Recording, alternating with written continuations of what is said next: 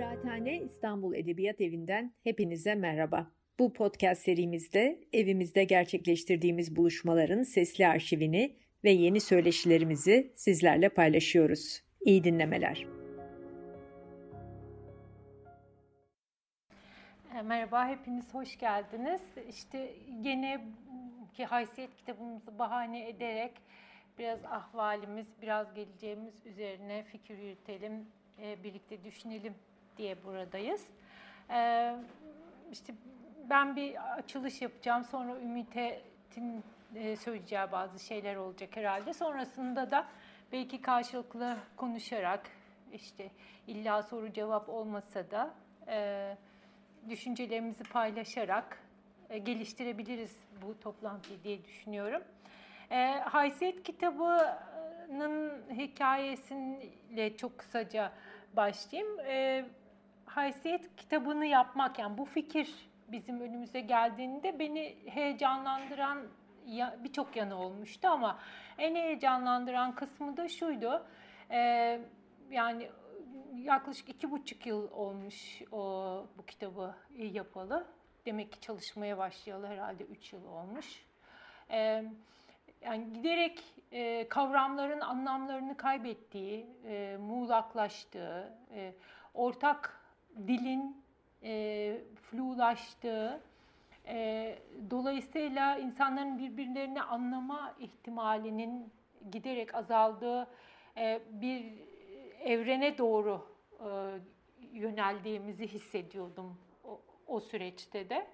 E, ve biraz da işte bir felsefe geçmişinden gelen e, kavramlar, göstergeler, anlamları netleştirme arzusu açısından bu kitap bir ihtimal, bir imkan olarak çıktı e, karşımıza. Çünkü belirli bir kavramın etrafında e, işte e, e, o kavramı çeşitli yönlerden didikleyerek işte e, çeşitli yerlerdeki anlamlarını, içeriklerini, e, ihtivasını gözden geçirerek bir e, e, düşünme süreci yaşama imkanı sağlıyordu. E, Haysiyet kitabı aslında Yasemin Çongar'ın fikridir. E, bu vesileyle ona bir kez daha yani herhalde bu 365.dir ama 366. teşekkürümü de etmek istiyorum yine de her bu daha devam edecek böyle. Ee, aslında ilk önerdiğinde haysiyet ve mahcubiyetti konu. Ee, fakat o sırada e, Doug Sostad'ın e, aynı adlı bir kitabı hemen o sıralarda çıkmıştı. Ee, ve ben onu görünce daha yani reklamları, ilanları çıkmaya başlamıştı. Kitap elimizde geçmemişti. Ee, iki açıdan haysiyet ve mahcubiyete itiraz etmiştim. Bir işte benzer isimli bir kitap çıkıyordu ama e, e, daha da fazlası yani tek bir kavrama odaklanmanın bizi aslında daha özgürleştireceğini düşünmüştüm. Ee, sanırım biraz öyle de oldu. Ama şimdi bugün geldiğimiz noktada hem de bu üç yıl içinde e, e, işte benzeri pek az rastlanan bir deneyim yaşadık. Dünyaca pandemi deneyimi. E, işte konuşmamın başında sözünü ettiğim e, gerçeklerle bağımız iyice inceldi, daraldı. E, ve üstüne üstlük e, bir de e, pandeminin de kolaylaştırdığı bir şekilde e, muktedirler utanma duygularını iyice kaybettiler. Dolayısıyla aslında e, en başa dönecek olursak e, şimdi e, bu toplantıda e, Yasemin'in ilk arzusunu yani haysiyet ve mahcubiyeti, haysiyet ve utanmayı e, birlikte konuşabiliriz. Biraz daha haysiyete o yönden bakabiliriz diye düşünüyorum. Çünkü daha doğrusu düşündük de biraz öncesinde Ümit'le e, sohbet de ettik ve Ümit'in son yazıları da e, bu noktaya dikkat çekiyor. E,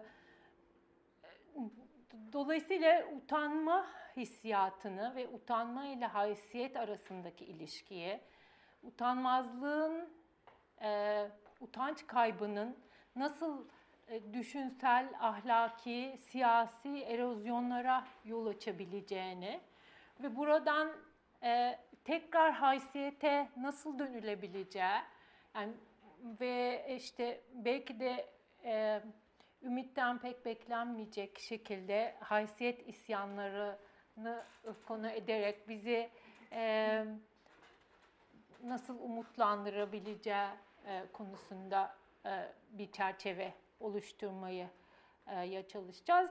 Ben utanma konusunda küçük bir anekdot anlatıp sonra sözü Ümit'e vereceğim. Zaten galiba yeterince uzattım bir giriş olarak fazla uzun oldu bilmiyorum.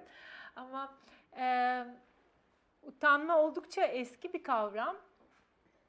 E, şey bu Pitagoras'ın e, Sokrates'e anlattığı Epimenidos mitinde e, şöyle bir hikaye var. E, işte zanaatlar yaratılıyor, ateş çalınıyor ve kentler e, oluşuyor artık.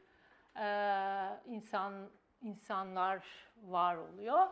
E, fakat Zeus şeyi görüyor, kötülük bitmiyor. İnsanlar birbirlerine e, kötülük etmeye ve kaotik hayat sürmeye devam ediyor. Bunun üzerine Hermes, Hermes aracılığıyla insanlara e, hakikat ve e, utanma duygularını gönderiyor. Ve e, Hermes burada şey soruyor, peki diyor bunu nasıl dağıtalım insanlara? Yani zanaatlar gibi, sanatlar gibi bazı insanlara verip bazı insanlara vermemek gibi, seçilmiş insanlara vermek gibi mi yapalım diyor. Zeus da diyor ki hayır, herkese bunu dağıtın, eşit şekilde dağıtın diyor. Ama galiba e, Hermes pek öyle davranmamış sanırım. Çünkü eşit şekilde değil insanlar arasındaki adalet ve e, şey e, hakikat ve e, utanma duyguları. Yani utanma e, Zeus'un kastettiği gibi tekrar e, bir kurucu edim olabilir mi? İnsanlık için e, bir arada yaşamamızın zemini olarak e, bir kavramsal çerçeve oluşturabilir mi haysiyetle birlikte? Ayşe Çavdar'ın yazısı vardı. Bu, tamam, e, bu çerçeve içinde konuşacağız. Sen istersen ondan sen bahsedebilirsin. Buyurunuz. Ee, Ayşe Çavdar'ın bir yazısı vardı. Utanma kurucu bir kavram olabilir mi diye geçenlerde okumadıysanız şiddetle tavsiye ederim. Duvarda eski yazılarından bulunabilir. Ben devam edeyim mi şimdi? E, ben de şu haysiyet e, kelimesiyle olan e, e, maceranın geçmişine dair bir iki şey söyleyeyim. Çünkü orada böyle eğlenceli şeyler de var. Biz Medya Kronik diye bir e, medya eleştirisi sitesi yaptık bir süre günlük. E, Alper Görmüş, Kürşat Bumin, ben e, işte Banu vardı asistanımız. Bir de te, teknik arkadaş da. Bir, ne kadar zaman yaptık şimdi tam hatırlamıyorum ama galiba iki yıl falan yaptık bunu. E, sonra bir takım baskılar sonucu bu kapatıldı. Çünkü e, Bilgi Üniversitesi bünyesinde değildik. Ya, resmen üniversiteye bağlı bir şey değildik ama or, oranın finanse ettiği bir şeydi ve onların binasında bir büroda çalışıyorduk. Ee, bizim yerleşik başı, basın başta Hürriyet ve Ertuğrul Özkök olmak üzere e, bir çeşit tehdit ettiler yani üniversiteyi. Sizi şöyle yaparız böyle yaparız diye şey altından ne denir işte e, el altından e, ve orayı kapamak zorunda kalındı. E, o e, günlük medya eleştirisi sürecinde e, ben de bir ara e, böyle hani gazeteler haftalık ek veriyor ya bizimki internet yayınıydı ama hani espri olsun diye Medya Kronik'in haftalık eki başlığı altında böyle bir bir şeyler toparlıyordum. Ona da haysiyet adını koymuştum. Ee, yani bu medya eleştirisinden söz ediyoruz ya medyada en çok olmayan şey ne? O zaman bize haysiyet olarak görünüyordu bu. E, yani milliyetçilikti işte ne bileyim e, erkek üstünlüğü, savunuculuğuydu falan bir sürü e, şeyi var da, pürüzü var da medyanın. E, ama böyle en temelde sanki bir haysiyet yoksunluğu gibi bir şey vardı. Öyle kendini genel kurmay bülteni haline getirmek de de bu vardı filan. Yani böyle bir e, gazetecilik sonunda hakikatle doğrudan ilişkili bir şey. Hakikat diye bir kavram olmasa gazetecilik olmaz zaten. E, ona ihanet vardı. Onun içinde bir haysiyetsizlik gerekiyordu. E, bir de gazetelerin adı hani Milliyet, Cumhuriyet, Hürriyet falan ya öyle bir onlara benzeyen bir kelime arıyordum zaten. Cibiliyet de koymayı düşündüm bir ara. E, o çok direkt Cumhuriyeti hatırlatacağı için. Çünkü tek bir yeri kastetmek istemiyorum. Yani esas kavramda bu olduğu için ona haysiyet adı koymuştum. Sonra işte medya kronik bitti. Ben bir site e, yapmaya çalıştım. Oradaki eski yazıları koydum. Yeni insanlardan yazı alıyordum. O sitede haysiyet.com'du. Ee, yani böyle bir bir şekilde kavramı sahiplenmek gibi bir şey oldu. Bir de açıkçası şimdi ben 12 Eylül öncesi solcu bir insanım ve hani o dönemden beri gelen o şematik e, sol kafayla yetişmiş biriyim kafaca.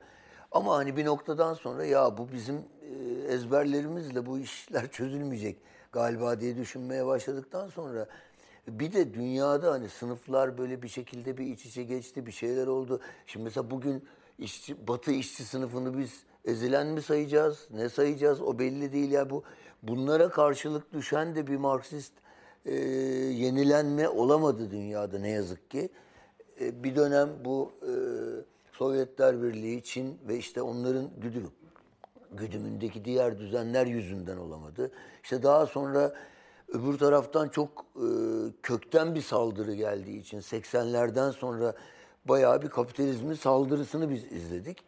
E, yani bugün yaşadığımız bir sürü şey de 80'lerde olan değişimin sonucudur.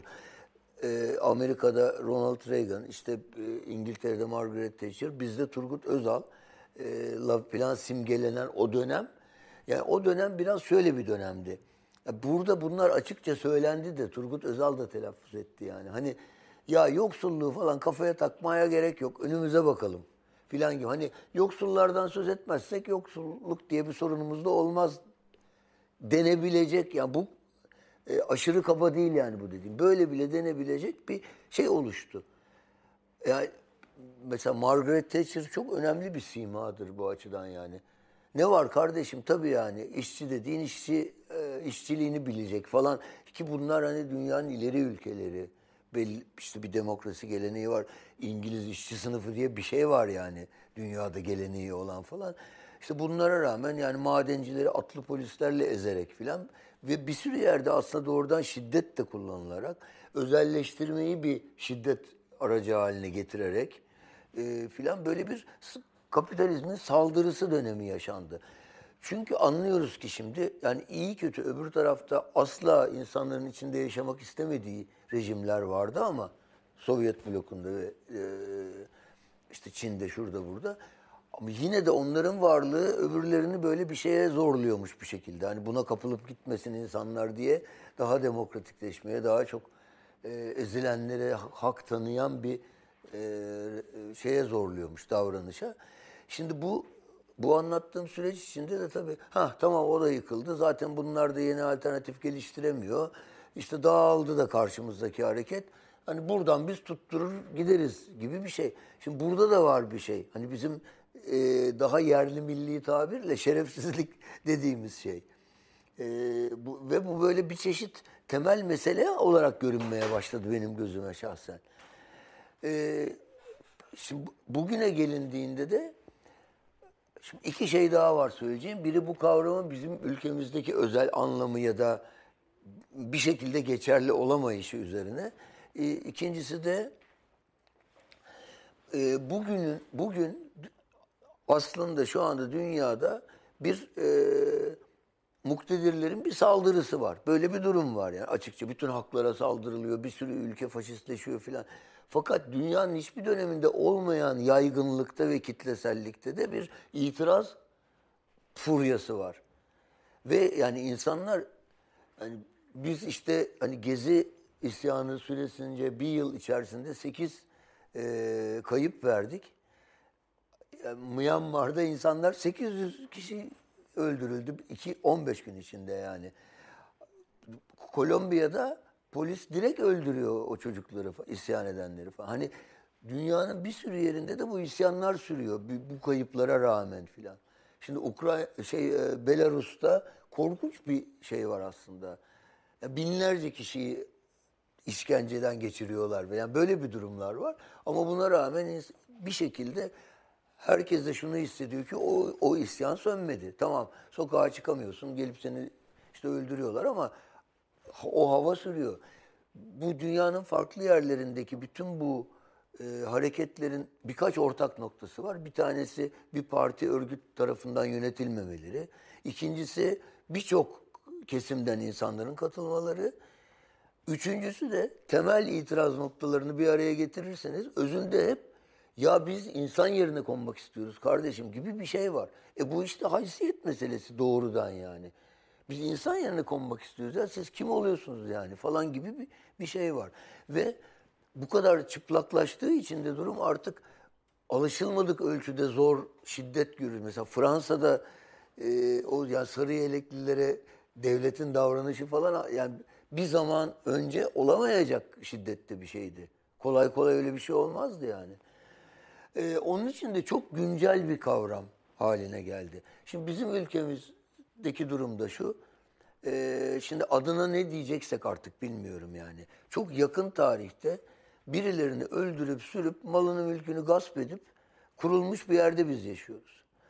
Ee, belki de hani herkes kendisinde en olmayan şeyi en çok söyler ya. Mesela bizim e, sol derneklerin çoğunun ismi Demokratik bilmem ne derneğidir. en olmayan şeyimiz de demokrasidir falan kendi içimizde. Bunun gibi Türkiye'de de en çok kullanılan laflardan biri şerefsizdir mesela. Ee, yani herkes çok şerefli. Halbuki temelde bir şerefsizlik var. Şimdi bu e, ben iddia ediyorum ki en bilmeyen insan için bile bir yerlerinde e, ruhunda, bilincinde bir yerlerde olan bir şey var orada. Bir kemiren böyle bir, bir şey var. Yani işte şu bulunduğumuz yerden hareketle de düşünebiliriz yani birçok bir şeyi. Şimdi insan, insanlar bunu biliyor. Maazallah bizim bir hani kendi kişiliğimizi bulmak ve toplum olarak bu problemli ergen e, ruh halinden çıkıp e, aklı başında yetişkinler olarak hani iyi oluruz kötü oluruz ayrı ama en azından bir hani düzgün bir yetişkinler haline gelebilmemiz için bir yüzleşme lazım, bir hesaplaşma lazım, bir, bir içsel bir takım sorunları halletmek lazım. Ama onları halletmeye giriştiğimizde e, varlığımızı inkar edeceğiz bugün tarif ettiğimiz şekliyle.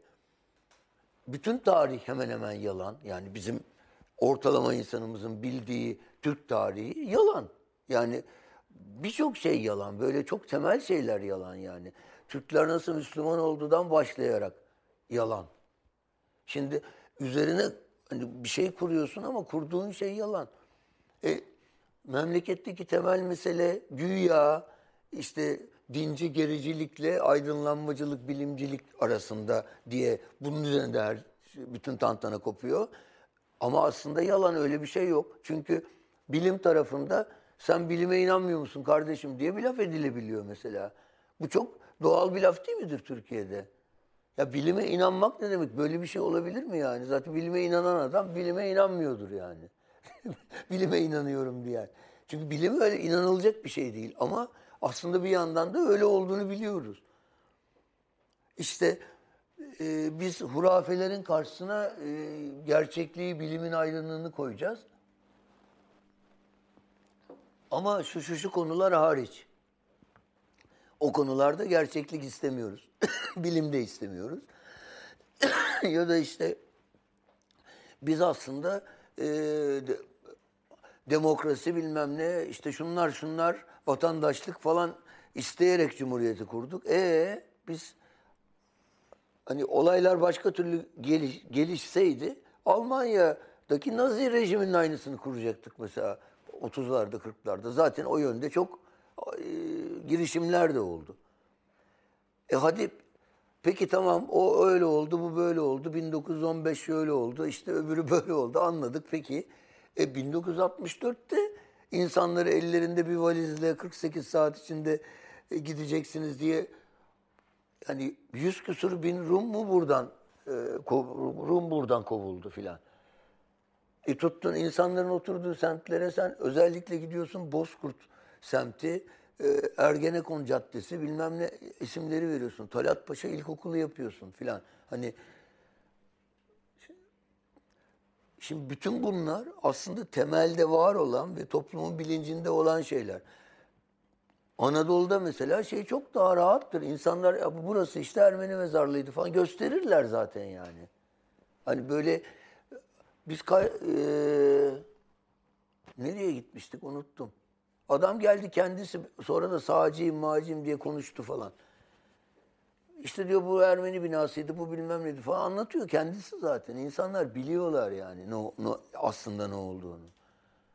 Şimdi bu böyle bir şeyin e, üstelik de birçok başka şeyin bunun inkarına bağlı olarak kurulduğu bir tarihin üzerinde yaşarken elbette utanmak, haysiyet falan gibi kavramlar çok aciliyet kazanıyor. Hani artık normalleşmiş olması gereken, en azından tartışma konusu olmaması gereken şeyler böyle canlı ve her an her şeyi etkileyen e, böyle ateşler haline geliyor. Yani bizde onun için belki başka bir yerde bilmiyorum ama birçok ülkenin böyle açıkları var bilmem neleri var ama mesela en azından Batı ülkelerinde bunlar tartışılabilen şeyler. Siz Amerika'da Kızılderililere yapılan işleri üniversitelerde falan ele alabiliyorsunuz yani. Hani böyle bir şey var. Şimdi bu, bu gizleme, saklama, bir şeylerin e, etrafından dolanma falan bu tabii bir şey yaratıyor. Bir dünya ile hayatla bir ilişki yaratıyor insanlarda. Ve burada da işte utanmanın yok olması ve e, haysiyet gibi bir şeyin ancak böyle e, hamaset için kullanılır hale gelmesi için gerekli ve yeterli bir zemin var. E, bu yüzden de bu memlekette bu kavramları konu etmenin ben başka yerlerdekinden daha özel bir önemi olduğuna inanıyorum. Çünkü bizim bütün hayatımızı, yapımızı, organizmamızı bu işte kısaca benim değinmeye çalıştığım süreç belirliyor. Ya içinde bir şey var yani sen biliyorsun.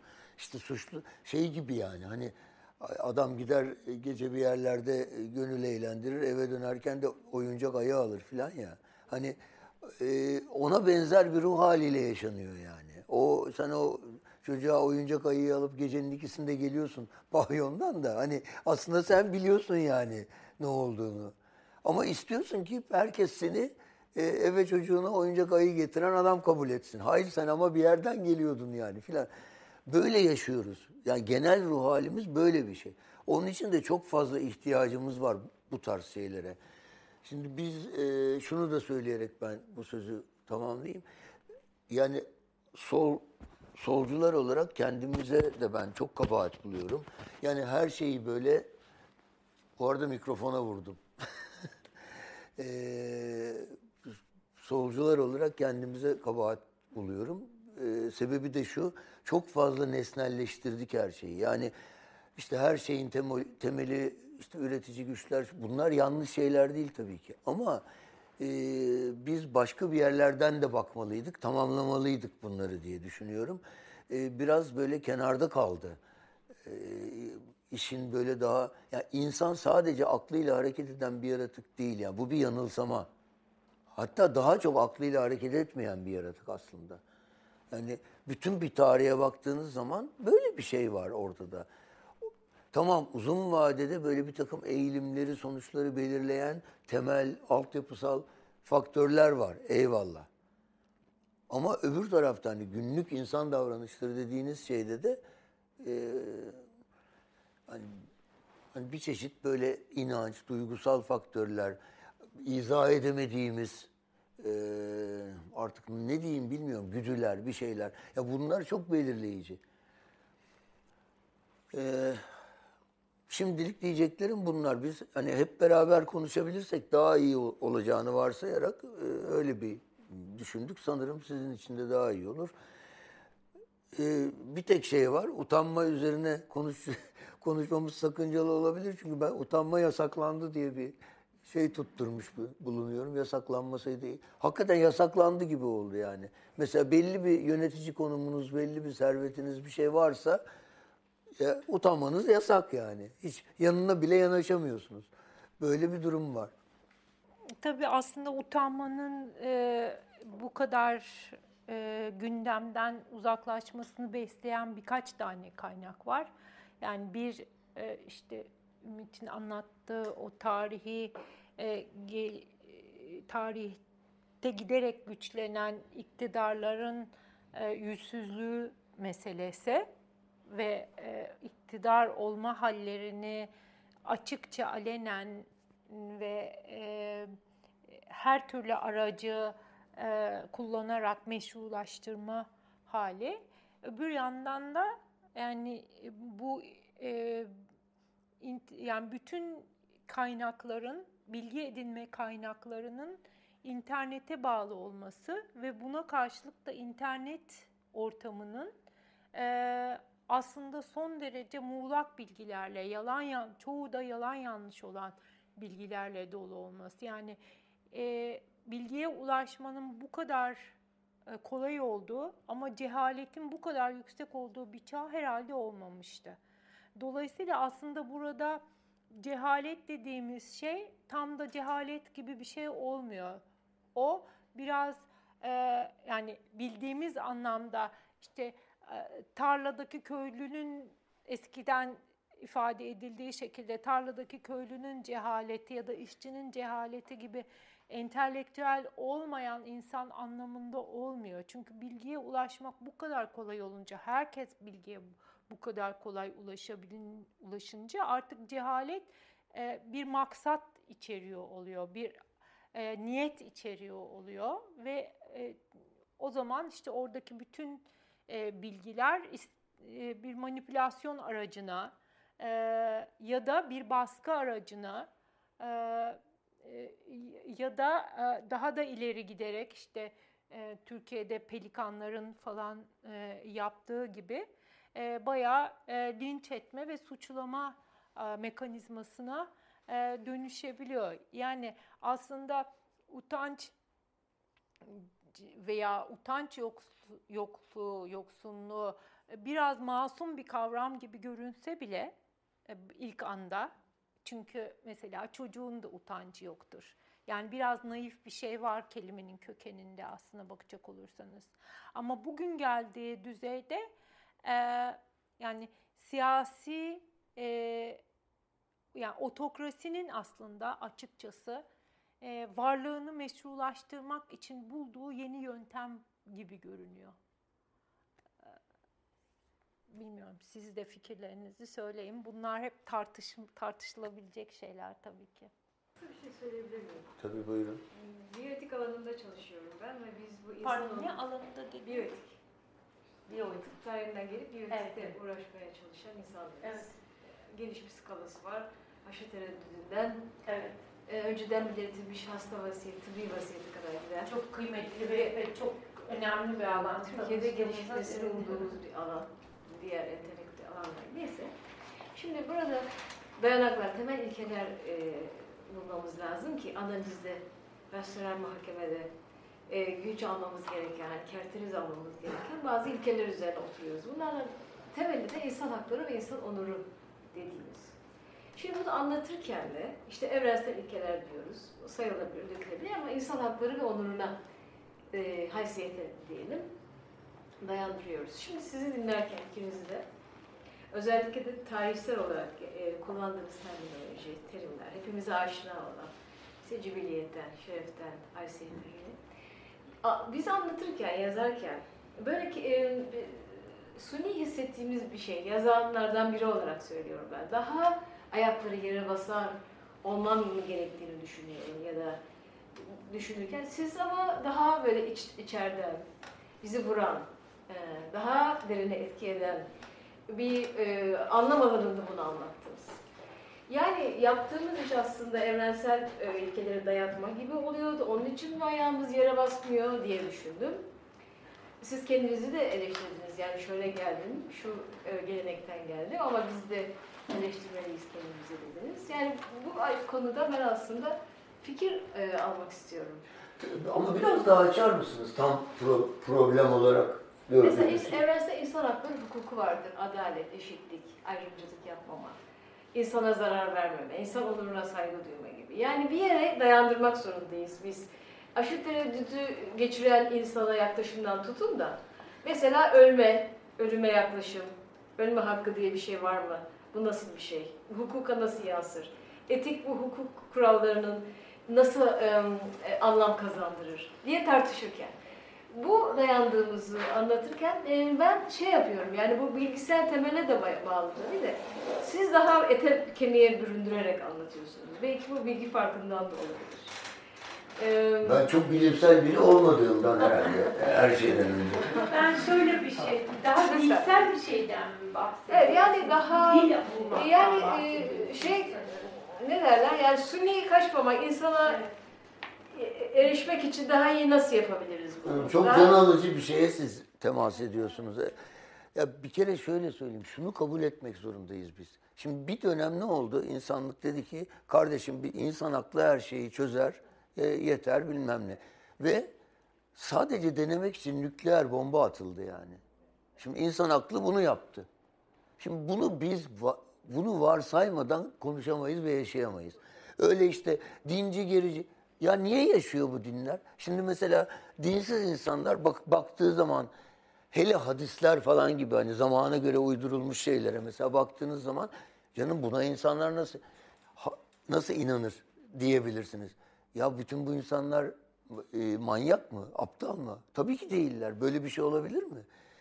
Ee, bu e, hani fake news diye medya alanında konuşulan ve post-truth, hakikat sonrası falan gibi yani insanlığın herhalde en bulduğu en utanmazca kavramdır yani. Ne demek hakikat sonrası ya böyle bir şey olabilir mi yani? Gelip hakikate dayanırsın. Sonu en sonu odur. Hani ne olursa olsun öncesinde olabilir bir sürü şey de. Post ve düşünün bunların temsilcisi sayabileceğiniz bir şey canlı dünyanın en güçlü devletinin başkanı oldu 4 sene. Şimdi Harari'yi biliyor musunuz? Yuval Harari var. E, Sapiens kitabının yazarı. İşte 21. yüzyıl için 21 ders. Çok şiddetle tavsiye ederim. Çünkü hani bir takım görüşlerine, önerilerine ka- katılmayabilirsiniz ama en e, can alıcı sorunları en açık bir dille ortaya koyabilen bir düşünür, tarihçi, İsrailli. Bu, e, adam vegan ve eşcinsel, yani bir tek siyah değil yani öyle söyleyeyim. E, e, ben onu çok değerli buluyorum. Onunla bir söyleşi de bu post-truth meselesi falan geliyor. Karşısında onunla söyleşi yapan da bir e, böyle bir, hem gazeteci hem de öğretim üyesi falan öyle bir e, adamdı. O da şey soruyor. Canım diyor yani insanların böyle bu kadar çoğunluğu uzun bir süre bu kadar bariz bir yalana inanabilir mi? Yani sonuçta böyle bir şey olmaz diyor. Harari böyle yapıyor. Bible. yani şimdi bizim şunu düşünmemiz lazım. Hadi bizim daha yakınımızdaki İslam. Ondan bahsedelim. 1400 yıl. E tamam hani bir o devirde Arap Yarımadası'ndaki şartlar şuymuş buymuş. Neyse işte bir şekilde bu olmuş. Peki sonra yani 1400 yıl bir, hadi muktedirler bunu almışlar, kullanmışlar kendilerine. Et ya halk bir buçuk milyar e, kaç sene önce dünyadaki Müslüman sayısı. Ya bütün bu insanlar cehaletinden mi dindarlar? Böyle bir şey olabilir. İnsan değil mi yani dine inan? Dindar insanlar, dindar olmayanlardan çok daha fazla bütün dinleri koyduğunuz zaman. Evet bir yaratıcı var. Şöyle oldu, böyle oldu. Bu hikayelerin hepsi de sonuçta Gılgamış destanından çıktığı için hepsi de birbirine benziyor. Zaten. Yani e peki ne o zaman bu? Burada ne bu? Yani bu ben bizim taraf diyeyim. Yani daha akıl, mantık falan diyen tarafın e, yok saydığı çok temel bir belli ki ihtiyaç var burada. İnsan öyle e, sanıldığı kadar mükemmel bir yaratık falan değil. Her şeyi aklıyla halledebilecek biri de değil. Ya hangimiz hayatımızdaki bütün kararları sadece akılla verdik? Mantıkla ha böyle olması daha doğrudur falan diye verdik. İkinci bir şey daha var. Bu insan denen yaratık bir takım gruplara bölünüp bir, birbirinin elindekini gasp ederek yaşamış bütün tarih boyunca. Yani bir noktada işte artık özellikle de gelişmiş ülkeler birbirlerinin insanlarını öldürdükleri için milyonla demişler ki ya böyle böyle olmayacak bu. Ee, buna bir çare bulalım. İşte böyle kavramlar çıkmış ortaya. İnsan hakları, insan onuru falan. E ama, ama daha bu çok azınlık yani bunlara sahip olan insanlık kesimi. Bunlar mücadelesi verilmesi gereken şeyler ve mücadelesini vermeye kalktığınızda tosladığınız şey e, hayır yok insanlar şerefsiz olsun diyen bir şey olmuyor. Malıma mülküme dokunmayın ben devletim falan diyen birileri oluyor. Dolayısıyla da bu mücadele ister istemez siyasi bir şey olmak zorunda. Yani güç sahibi ve sizi icabında öldürebilecek, hapsedebilecek birilerine karşı mücadele etmeniz gerekiyor. Bu da bir örgütlenme gerek, gerektiriyor ister istemez. E bu, bunun e, şimdiye kadar bulunmuş en iyi yolu sayılan ve bir dönem sahiden dünyada insanların kurtuluş umudu olan bir ideoloji de e, hiçbirimizin içinde yaşamak istemeyeceği rejimler çıkarttı ortaya. Ve zaten orada iş bu hale geldi. Yoksa niye kapitalizm üstün gelsin ki yani? Bir dönem işte giderek dünyada yayılıyordu. Herkes daha geniş adalet arıyordu. Sömürgeler isyan ediyordu filan. Biz böyle dönemler yaşadı insanlık. Nitekim bugün de işte herkes susup oturmadı kenara geçip. Tamam bana iPhone verdiniz, oh tamam başka şey istemiyorum demiyor yani insanlar. Ama başka bir tehlikeli durum var şimdi. Ya bir kere günümüz ideolojisi büyük şehir insanlarını aşırı bireyci hale getiriyor. Bu bireycilik de e, mesela sadece bana bunlar karışmasın, benim onlarla ilgim olmasın değil. Yani başkalarına yönelik şiddetli bir saldırganlık, işte küçümseme, e, ne işte sosyal medyada görüyoruz yani. Sana ne lan geri zekalı diye en hafif bundan filan oluyor yani tartışmada. E, hani böyle bir ideolojide baş böyle bir ideoloji, ideolojiyle de baş etmek e, zorunda insan hakkı onuru diyen birileri. E, yani içinde bulunduğumuz durumu böyle tarif edebiliriz. Şimdi böyle bir mücadele içinde mesela sınıf kavramı tabii ki geçerli ama tartışmalı ve eskiye göre biraz daha sınırlı. Şimdi dünyanın bir döneminde işçi sınıfı dediğiniz zaman bu o kadar somut net bir şeydi ki. Yani e, hiç böyle tartışmaya gerek yoktu yani. Onlar işçi sınıfı işte ve kalabalıklar ve muktedirlerin, servet sahiplerinin bu konumlarını sürdürmeleri ve daha zenginleşmeleri için de onlara doğrudan ihtiyacı vardı. Şimdi bir de geldiğimiz aşamada ben hani probleme bir şey daha katıyorum e, boyut. Geldiğimiz aşamada şöyle bir temel mesele var. Bu da aslında insan onur kavramını çok e, merkeze oturtuyor. Aslında şu anda dünya nüfusunun önemli bir bölümü gereksiz. Yani yaşlılar zaten gereksiz. Mesela yarısı falan gereksiz dünya nüfusunun şu anda. Yani dünyanın şu şekliyle devam edip, etmesi için ekonomisinin filan yarısı gereksiz. Ve mesela bir 10 sene 20 sene içinde dörtte üçü gereksiz hale gelecek. Yani bunun ayrıntılarını konuşabiliriz neden olacağını ama çok somut zaten bugünden gözüken şeyler bunlar. E ne olacak bu insanlar? Toplum dışına itilecekler. Mesela bu gördüğümüz göç, göçmenlik, Akdeniz'de boğulanlar bu arızi bir olay değil bu. Bu katlanarak artacak. Dünyanın bir kısmı öbür kısmına doğru gitmeye çalışacak. Şu anda Avrupa'da sınırlarının neredeyse tamamını e, duvarla çevirecek Avrupa devletleri. Miktarı unuttum uzunluğunu da yani böyle yüzlerce kilometrelik duvar yapıldı son bir iki senede.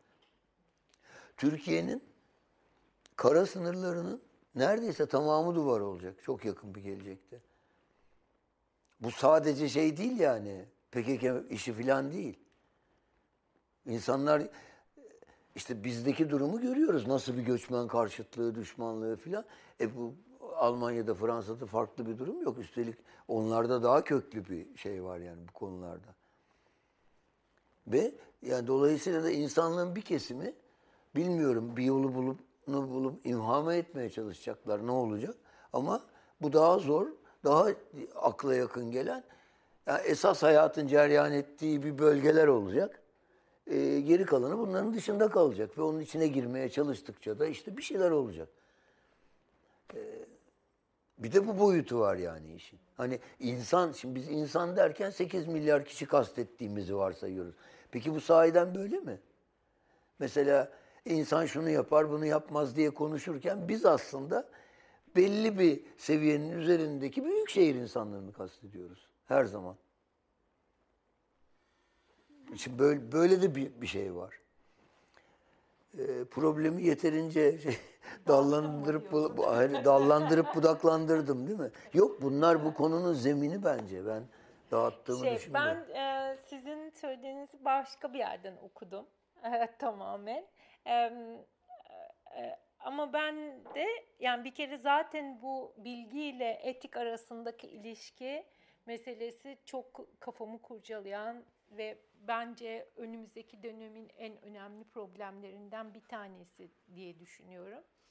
Ee, hem bilginin bu kadar e, yoğun bir şekilde üzerimize aktığı hem de bilgisizliğin bu kadar imkan bulduğu bir evrede etik çok hayati bir mesele olarak karşımızda duruyor. Ama sanki sizin söylediğinizden öyle bir şey anladım ki siz bu ifade imkanını yani e, işte insan hakları, insan hak ve onuruna dayalı bir e, çerçeveyi anlatma konusunda bir güçlük yaşadığı. E, daha iyi nasıl yapabiliriz? Daha, daha, iyi daha nasıl? inandırıcı demeyeceğim çünkü bence de Evet. inanç ayrı bir şey. Ee, Evet. Daha- Daha daha, doğrudan ulaşan. daha etkili Evet. ko- ya- e, anlatım yolunu nasıl bulabiliriz sorusu sorduğunuz gibi geldi daha çok. Yani sorusu değil de yani problematiğini ortaya ya hariçten gazel atmadan geldi. e, Türkiye'deki problemlere ki Evet. ortak çok şeyler var. Çok Evet. başka coğrafyalarda da ortaklıkları çok. Bunu nasıl dile getirebiliriz anlamında. Lütfen devam edin. Ya orada e, birincisi bir Türkiye'ye özgü bir mesele görüyorum ben. O da şu, e, bir kurum ya da bir e, kurumsal çerçevesi olan bir kişi karşısına bir şey anlatmaya kalktığında hemen kravat ceketini giyiyor, e, gözlüklerini takıyor ve aslında kendisine ait olmayan ve bir dili kurmaya başlıyor. Bu her aşamada böyle. Yani elinize aldığınız hukuk e, metinlerinin, mesela sözleşmelerin, e, işte anlaşmaların, hukuk metinlerinin hepsi inanılmaz derecede anlaşılmaz. Oturup ben çok karşılaştım bununla ve ben mahsus biraz da oturup o metinleri e, Türkçe'ye çeviriyorum. yani onlar da Türkçe ama anlaşılır bir dile çeviriyorum. Ve öncelikle şaşırıyorlar ama bu zaten bu demek değil mi e, diyorum. Evet doğru diyorlar ve tam da ikna olmamış çünkü o dilin içinden e, nasıl çıkacağını daha önce hiç düşünmemiş avukatların e, şaşkınlığı, şaşkın suratıyla karşı karşıya kalıyor. Aynı şey felsefeciler için de geçerli. Türkiye'de felsefeciler konuşmaya başladığında ben anlamıyorum yani. Ben felsefe okudum ve e, hep felsefe okumaya da devam ettim. Yani mesela Benjamin'i birisi anlatmaya kalktığında bana, şimdi isim vermek istemiyorum, ama o, o dilin içine o kadar hapsolmuş ki, kendi kurduğu dil dünyasının içine o kadar hapsolmuş ki, o dil dünyasının içinde bir şey anlatıyor ve bana bir şey ifade etmiyor o. Ama ben Benjamin'i kendi kaynağından okuduğumda anlıyorum. Yani dolayısıyla burada garip bir şey var bir kere. Yani bilgi bize nüfuz etmiyor. Bizim dışımızda kalıyor. Zihnimizin belli bir ölçeğinde kalıyor. Bu bilim insanlarında açıkçası daha fazla oluyor. Yani belli bir konunun uzmanı olduğunu iddia eden insanlarda daha fazla oluyor bu. Çünkü aslında o içselleşmeden e, kendi dil yuvalarını bulmadan ortaya çıkan sözcükler insana ait olmuyor aslında. Başka bir evrene ait oluyor. O evren kuruluyor ve Örnek bakın İstanbul Sözleşmesi'ni uygula. Ee, belki anlatmak istediğiniz o olabilir mi? Yani kadının kadının yaşadığı sorunsalla ilgili problemi sorunlu e, hukuki dile yansıtmış bir metin. Türkiye'de oluşmuş bir metin. E, buharlaşmaya çalışılıyor. Neyse işte ortadan yok saymaya çalışılıyor ama o, e, onun azabını çeken, ızdırabını çeken, acısını yaşayan kadına bunu anlatmakta biz zorluk çekiyoruz ya da insana diyelim neyse. Yani biz o aradaki bu bağ gözümüzün önünde e, e, yürürlükten kaldırılmaya çalışılıyor ki kaldırılmayacağını biliyoruz neyse. bu kısmı Biz da niye doğru. ulaşamıyoruz Evet. oradaki insana? Bu birebir bunun acısını çeken insana, kadına ya da insana. Çünkü aslında bizim ona ulaşmamız gerekmiyor da onunla birlikte bir şey yapmamız gerekiyor.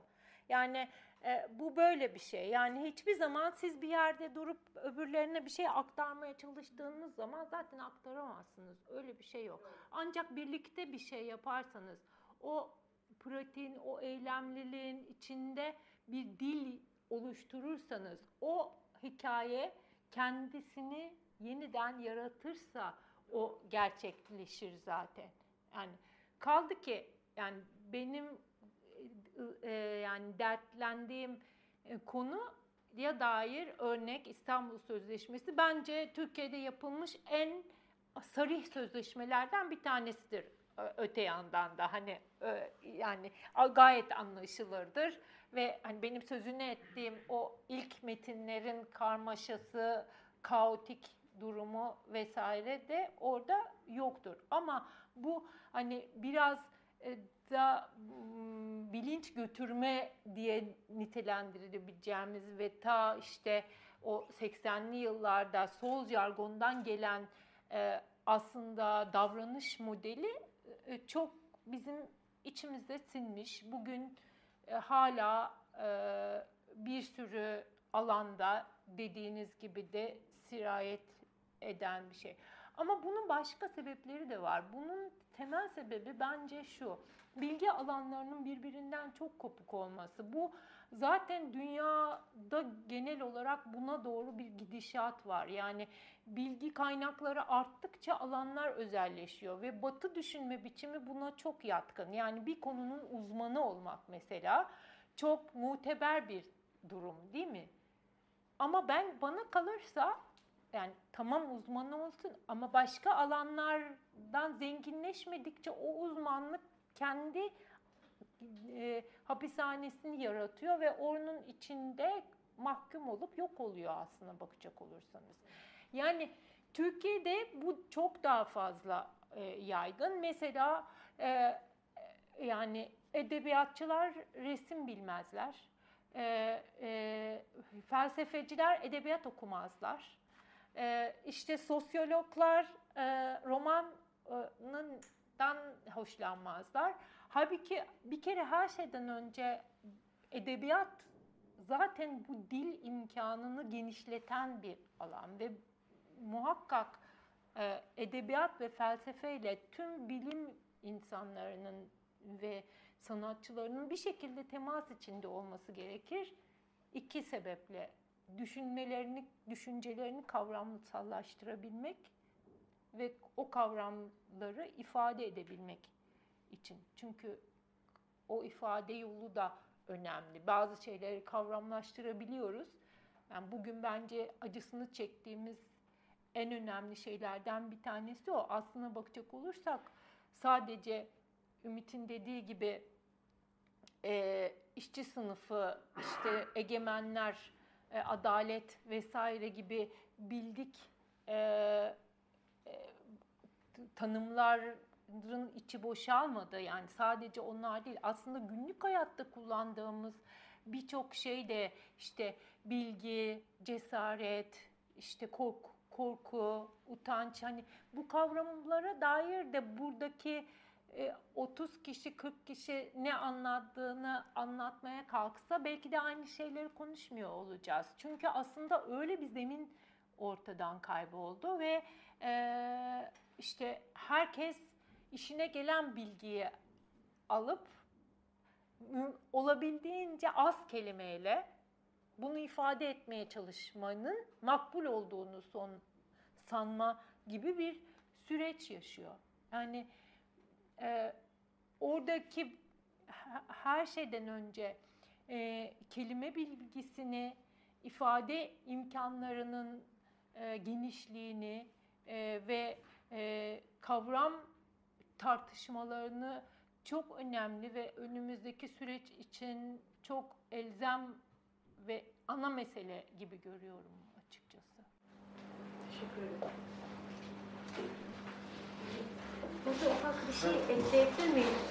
Ee, şöyle, e, hukuk fakültesinde şöyle bir şey yapılıyor. Bir ufak not olsun diye söylüyorum. Birinci sınıfta e, insan hakları metinlerini öğretiyorlar ve tarihsel süreçte geçirdiği değişimi anlatırken e, insan hakları metinlerinden eksilen bazı maddeler oluyor.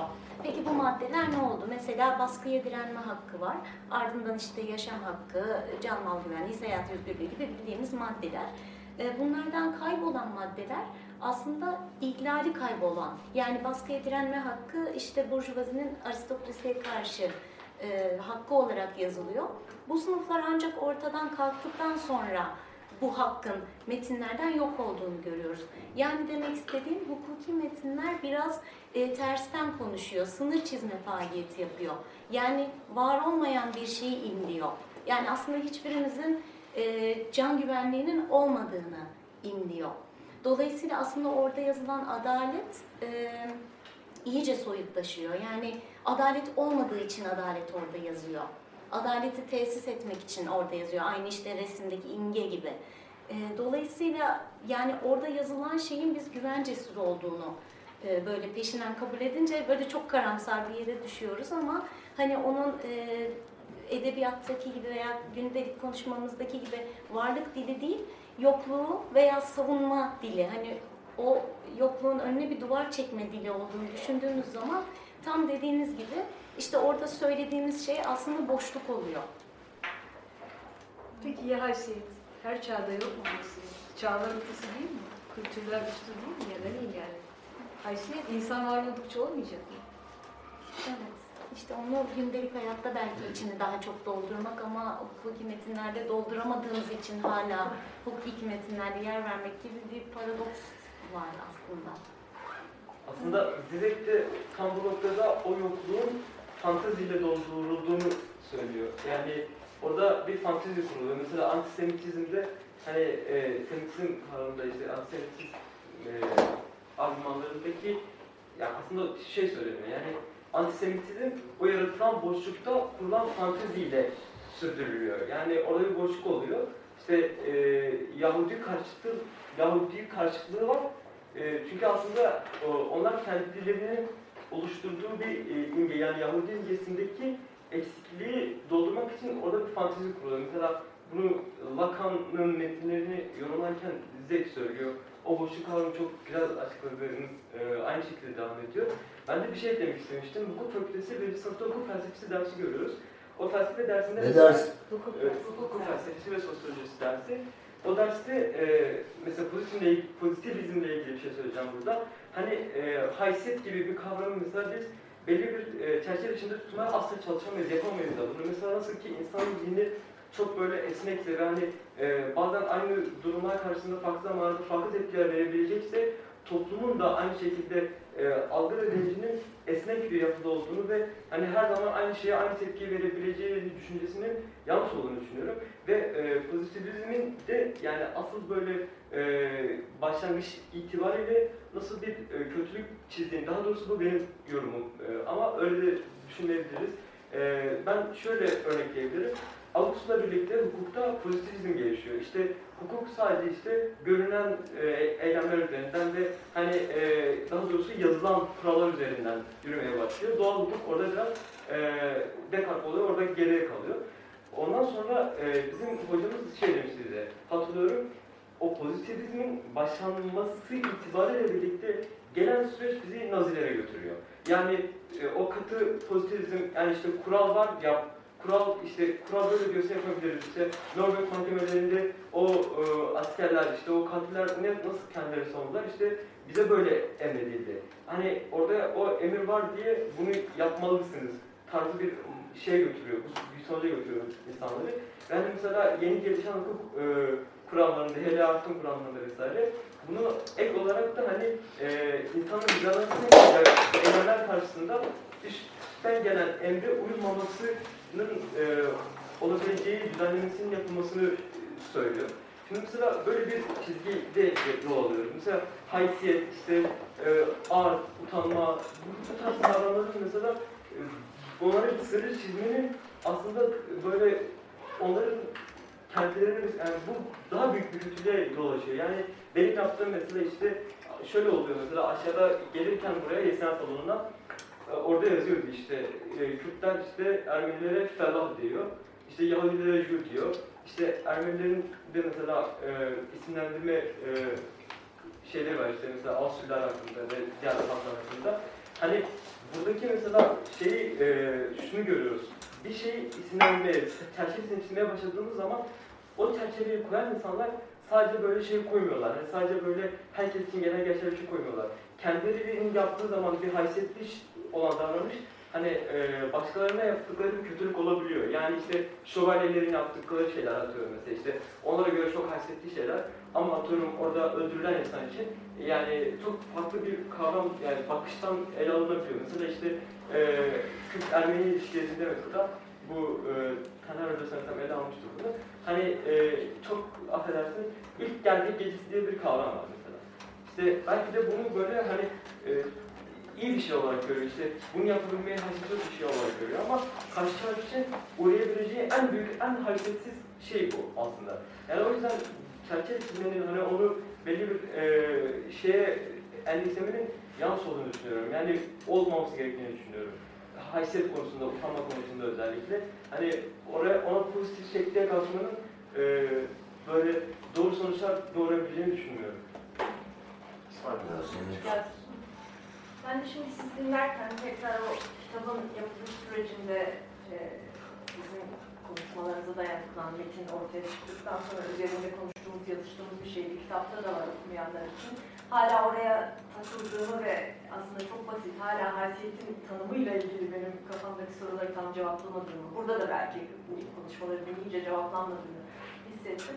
Aslında orada sizin çok güzel tartıştığınız e, bir konu e, haysiyet hani Ümit demin dedi ya işte herkesin kapısının yerinde bir yerde bu var yani her insanda bu var. Hani haysiyet hakikaten her insanda doğumdan itibaren olan bir şey olması olduğunu kabul etmemiz gereken herhangi bir eşitlik temelinde ilişki kurabilmemiz için birbirimizle zaten bu temelden, bu kabulden yola çıkmamız gereken bir şey. Yoksa yine sizin de tartıştığınız haysiyet öğretilebilir mi, kazandırılabilir mi? Mahcubiyet aynı şekilde öğretilebilir mi, kazandırılabilir mi? Bunu çok önemli buluyorum. Bir de buna bağlı, yani sizlere bu konuda konuşmanızı rica ettiğim için söylüyorum bunu. Ee, demin işte konu mültecilere geldiğinde düşündüm. Sonuçta aslında tahakküme dayanan, eşitsizliğe dayanan her türlü ilişkide ister istemez karşındakinin senden eksik bir yönü olduğunu kabul ediyorsun. Bu tahakkümü kurma hakkını kendinde görürken karşında aslında belki de seninle aynı haysiyete sahip olmayan bir birey görüyorsun diye düşünüyorum ben. Yani bu haysiyetin belki bütün bunlar değil konuştuk, işte hukuk konuştuk, bütün bunlarda aslında haysiyet temelli bir söylem geliştirilebilse ve haysiyet her insanda vardır kardeşim. Kötüde de vardır. Katilde de vardır. Onun nasıl dönüştüğünde olduğu işte tacizcide de vardır gibi bakabilirsek belki bir başlangıç noktası oluşturabilir diye düşünüyorum. Ve ne düşündünüz merak ediyorum. Yani orada belki her şeyden önce şuna şu soruya geri dönmek lazım. Haysiyet bir erdem midir, değil midir? Yani e, çünkü eğer erdemse o herkeste bulunmaz. E, ve ha, yani herkesten beklenmez. Ben bir erdem olduğunu düşünüyorum. Ee, ama böyle e, şey kadar ne bileyim işte doğruluk kadar iyilik kadar, diğer kamlık kadar saf ve tek bir kaynaktan değil de birçok kaynaktan beslenen, birçok başka pozitif değer yargısıyla ilişki içinde bulunan e, ve e, onların toplamından e, e, yola çıkıp başka bir şey haline gelen bir şey olduğunu düşünüyorum. Bir de yani te, temel olarak bireysel bir mesele olduğunu, yani bir şahsın bünyesi içinde gerçekleştiğini ama onun tam da toplumsal sınır yani ben kitapta sanıyorum söylemiştim hani bir bunun bir camdan sınır olduğunu ve gayet kırılgan e, bir sınır olduğunu e, düşünüyorum. E, bilmiyorum Ümit de biraz daha farklı düşünüyor evet. orada galiba. Evet ben daha biraz daha farklı düşünüyorum açıkçası. Yani bir kere e, şunu da ayırmak lazım.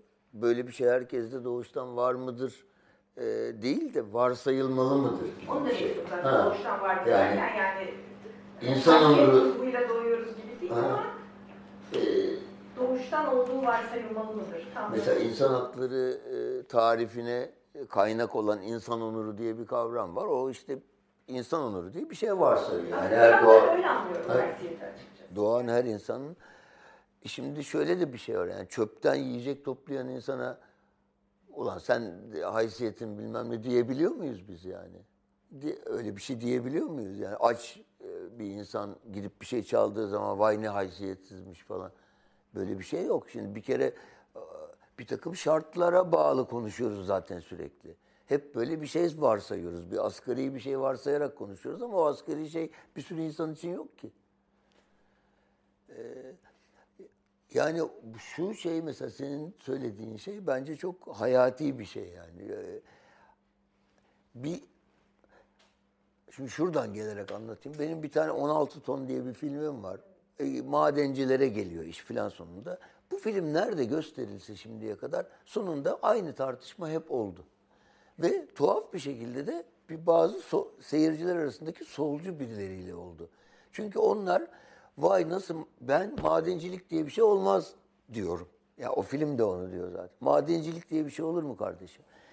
İnsanlar da çıkıp vay nasıl iş? Çünkü maden işçileri hakikaten çok kahramanca mücadeleleriyle tarihe geçmiş bir işçi kategorisidir ve hani buna halel gelecek falan gibi bir şeyle insanlar karşı çıkıyor. Şimdi madencilik diye bir şeyin olması için şunu varsayman gerekiyor. Birileri oraya girecek ama ben girmeyeceğim. Şimdi zaten burada temelde bir soru işte senin söylediğin hani en olabilecek en çıplak. Hani belki daha çıplak savaş olabilir ancak. Şuraya sürün 17. tümeni falan diyorsun. Orada işte binlerce asker var. Sen değilsin yani gidip ölecek olan falan. Ya da gazeteye yazı yazıyorsun. Savaşmalıyız milletimizin bilmem nesi diye akşam eve gideceksin sen. Orada gidip çocuklar ölecek falan. Bir şey varsayıyorsun. Şimdi kapitalizmin sürmesinin mesela zemini burada yani. İnsanlar şu soruyu sorduğu anda bu dünya böyle devam edemez. Ya peki onların ne eksiği var yani? Onların eksiği var çünkü ailelerinin vardı aslında baktığınız zaman. Çoğu böyle zaten. Ailelerinin niye vardı? Çünkü onların da önceden vardı. Çünkü aslında onların köyü bilmem ne oldu falan. Böyle gidiyor olay. Şimdi Türklere göre Kürtlerin inşaatta çalışması gerekiyor. Ee, tercihan hiçbir şekilde siyasete bulaşmaması gerekiyor. Kürdüm dememesi gerekiyor. Ha inşaatta çalışırken Kürtçe türkü söylerlerse onlara tamam onu söylesinler. Onun için de onlara bir şey yapmayacağız gibi bir şey bekleniyor mesela. Neye dayanarak, hangi hakla bu bekleniyor? Ya da biz kılıç hakkı kavramı var. Hala kullanılıyor televizyon tartışmalarında falan. Kılıç hakkı bizim biz buraya girdik artık kılıç hakkı falan. E öyleyse o zaman bugün de birileri gelir seni tepeler onların kılıç hakkı olur falan. Hani nasıl beraber yaşanacak? Bir şekilde bir eşitlik ve adalet e, varsayılması gerekiyor. Yani ya biz eşit, adalet içinde yaşamalıyız. Tam mutlak olarak eşit olamayız çünkü böyle bir şey mümkün değil. Teknik olarak mümkün değil yani. Ama hukuk olarak mümkün olabilir. Ama olamaz çünkü rejim böyle. Hani şimdi bizde o kadar çok yan mesele var ki işi karıştıran. Ya bu kadar çıplak çıkmıyor bazı şeyler ortaya. Hakikaten şey varsayıyorsun. Evet insan onuru, şu bu falan ama e, onlar da benden daha az var. Onlar onun için benim fabrikama sabah gelip akşam gidebilirler. E, burada da işte ayda şu kadar liraya işte benim yanımda çalışırlar. Ben verirsem veririm, vermezsem vermem falan. Sendikada kurama. Mesela sendika denen şeyin sadece ekonomik bir e, organizasyon olduğunu düşünmek yine bu bizim de büyük günahlarımızdan solcular olarak. Ya orada insanlar onurlarını da koruyorlar aslında.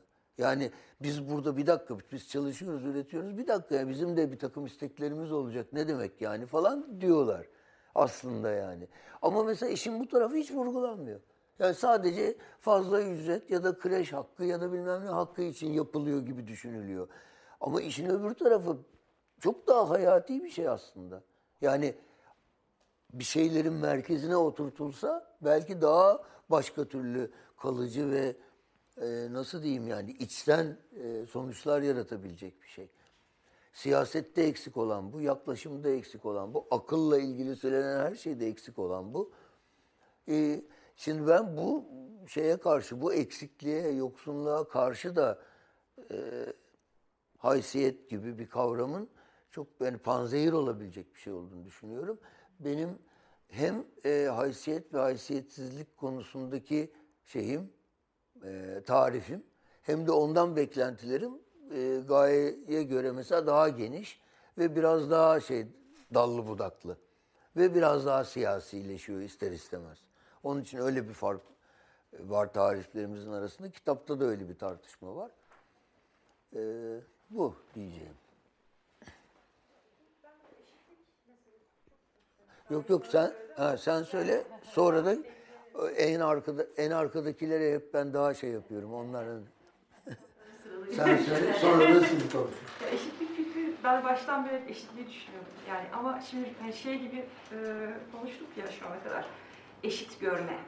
E, bir de işin şu boyutu var. Kendini eşit görebilme diye bir şey var. Hani ikinizin çatışma noktasından hareketle yani hani bir herkeste olan bir şeydir. Bir de öğrenilen bir şeydir. Bu nature nurture tartışması neredeyse yani kitapta bu. Hani doğuştan mı yoksa sosyal bilimler.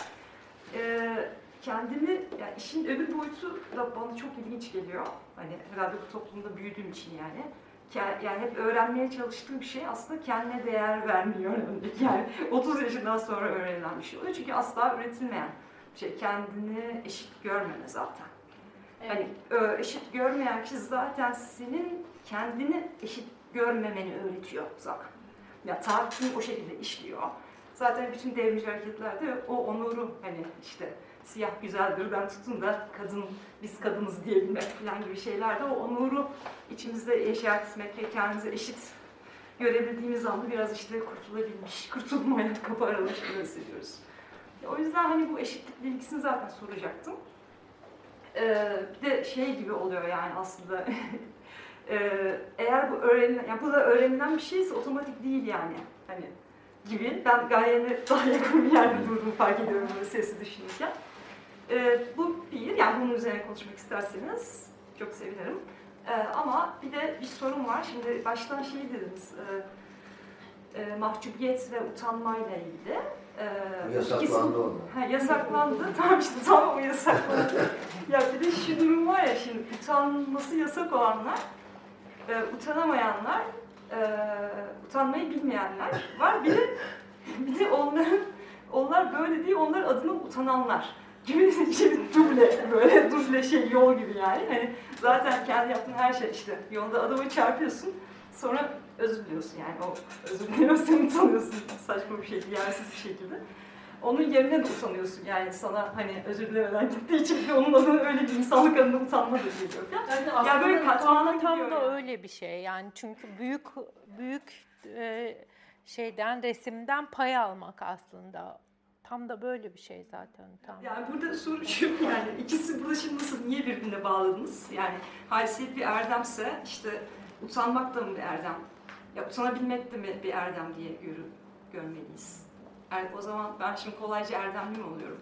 Böyle şey utanabilen olsak bunu mu duymalıyım ne yapalım? ee, galiba bunu soracaktım. Ya utanma duygusu olmadan haysiyetin mümkün olması çok zor bir şey. Yani bir şekilde e, eğer bir e, yani haysiyet haysiyetin kırıldığı noktalar var. İnsanların birbirlerinin haysiyetini kırdığı noktalar var.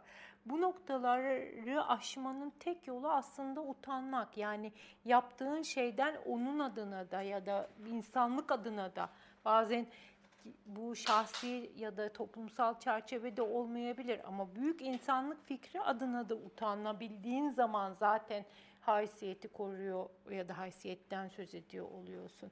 Yani haysiyette şöyle bir şey var ben bana kalırsa. Yani bu hani Arendt'in haklara sahip olma hakkının korunması dediği şey gibi bir şey. Yani e, yani benim haysiyetim, benim haysiyet anlayışımla seninki aynı şey ya da benim bir şeye e, bu haysiyetle dediğim durum, benim haysiyetim diye bahsettiğim durum seninkiyle aynı olmayabilir. Ya da işte sen böyle görebilirsin. Ama önemli olan asıl o konu şurada. Senin kendi ne biçtiğin rolü benim varsaymam. Benim onaylamam. Ya onaylamam demeyeyim de varsaymam, farkında olmam ve ona göre davranmam demek. Yoksa yani toplumsal bir iş bölümü var değil mi? Bir, birileri çöpçü, birileri gidip işte oradan kepçeyle bilmem ne çıkarıyor. Birileri de orada oturmuş organize ediyor. Şimdi bunlar içinde hangisi daha haysiyetli tartışması yapamayız aslında bakacak olursak. Böyle bir tartışmaya girmek de bizi bir yere götürmez. Saçma bir şey olur. Ama şu noktada yapabiliriz. Yani elinde işte organizasyon yapan kişi oradaki çöp toplayan kişiyi aşağılıyorsa onun e, e, e, onun kendi için biçtiği rolü o varoluşunu zedeleyecek bir şekilde müdahale ediyorsa işte o zaman haysiyetsizlikten söz etmemiz e, söz konusu olabilir. Yani haysiyet ve utanma gibi kavramların da hani öğret öğretme konusu beni çok yani sevdiğim bir kavram değil açıkçası. Ama zaten yani çünkü bu tür kavramları öğretmeye kalktığınız zaman yani yukarıdan bir e, bilgi alanı açıp oradan aşağıya doğru ifade etmeye çalıştığınız zaman demin konuştuğumuz gibi kavramsal düzeyde genellikle iyi sonuçlar alınmıyor. Genellikle ters tepen ya da kapanan yapılarla karşılaşıyoruz. Daha önemlisi sirayet etmesi bence. Yani eğer utanma duygusu varsa bu kültürel bir şey yani eğer böyle bir e, bilgi ve davranış modeli varsa e, o zaman bu başkaları da geçiyor, sirayet ediyor zaten. Ama yoksa bu da yukarıdan aşağıya bunun olması çok önemli. Yani, e, son dönemde örneklerini yüzlerce kez yaşadık. Yani adam diyor ki e, Sinova şey e, ne derler e,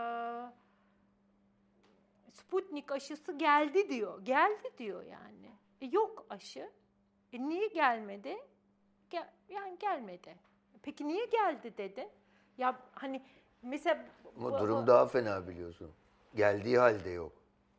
50 milyon aşı geldi. Ki, yok. Bilmiyoruz ki geldi mi gelmedi biliyoruz. mi onu da bilmiyoruz. Yani tam olarak onu da bilmiyoruz. Geldi ama yani, nerede? Ve mesela ben hani bu e, pandemi süreciyle gelen bu yalanlar ve e, yani hepimizin haysiyetinden birer parça götürüyor. Çünkü tam da canımızı e, canımızla oynanıyor yani doğrudan bir e, etkileşme var. Hani e, işte e, solcularla bilmem ne yapmak, işte birisini e, ne bileyim işte muhalif birisini yaftalamak falan gibi bir şey de değil yani. Hani tamamen hepimizin e, sıradan herkesi yaşamsal hakkıyla ilgili bir konuda mesela bu kadar e, korkunç yalanları söyleyip ve sırıtarak da hayatlarına devam edebiliyorlar. Şimdi böyle bir toplumsal model olunca ortada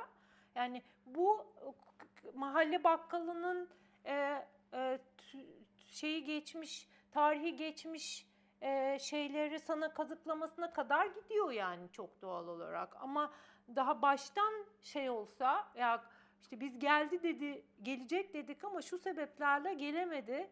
Bunun yerine bilmem ne yapıyoruz kadar açık bir olgusal düzeyde bilgi paylaşımı olsa yani orada da tekrar hakikat meselesine, olgusal hakikat meselesine dönüyoruz. Hani olgusal hakikatler daha ortalıkta, daha görünür olsalar o zaman o bakkalda o şeyi sana kazıklamaya çalışmayacak belki. Yani biraz böyle süfli örnekler vermiş olabilirim ama hani buralara inince de kavram daha aslında anlaşılır hale geliyor sanıyorum. Bu Ayşe Çavdar'ın yazısında bir görüşü vardı onun. Şeyi söylüyor, başkalarının adına utanma denen şey sırasında hissettiklerimizle kendimiz utandığımızda hissettiklerimiz aynıdır aslında diyor. Aynı duyguyu hissederiz. Onun için de işte bu toplumsal bir şeydir. Hepimizi birleştiren bir şeydir falan diye böyle çok güzel anlattığı bir kısım var. Evet sizi dinleyelim. Aslında e, Gaye Hanım siz benim böyle bir söz olarak dile getirmek istediklerimi söylemiş oldunuz e, hanımefendinin sorusuna yanıt içerisinde. Çünkü şimdi haysiyetin bir erdem olması mı diye düşünürken belki de bir farkındalık halidir diye e, düşündüm kendi kendime. Bu hayatta kapladığımız yerin farkında olma hali. Ama bu farkındalık beraberinde bir kırılganlığı da getiriyor. Tıpkı sizin dediğiniz gibi camdan bir sınır, kırılgan bir sınır.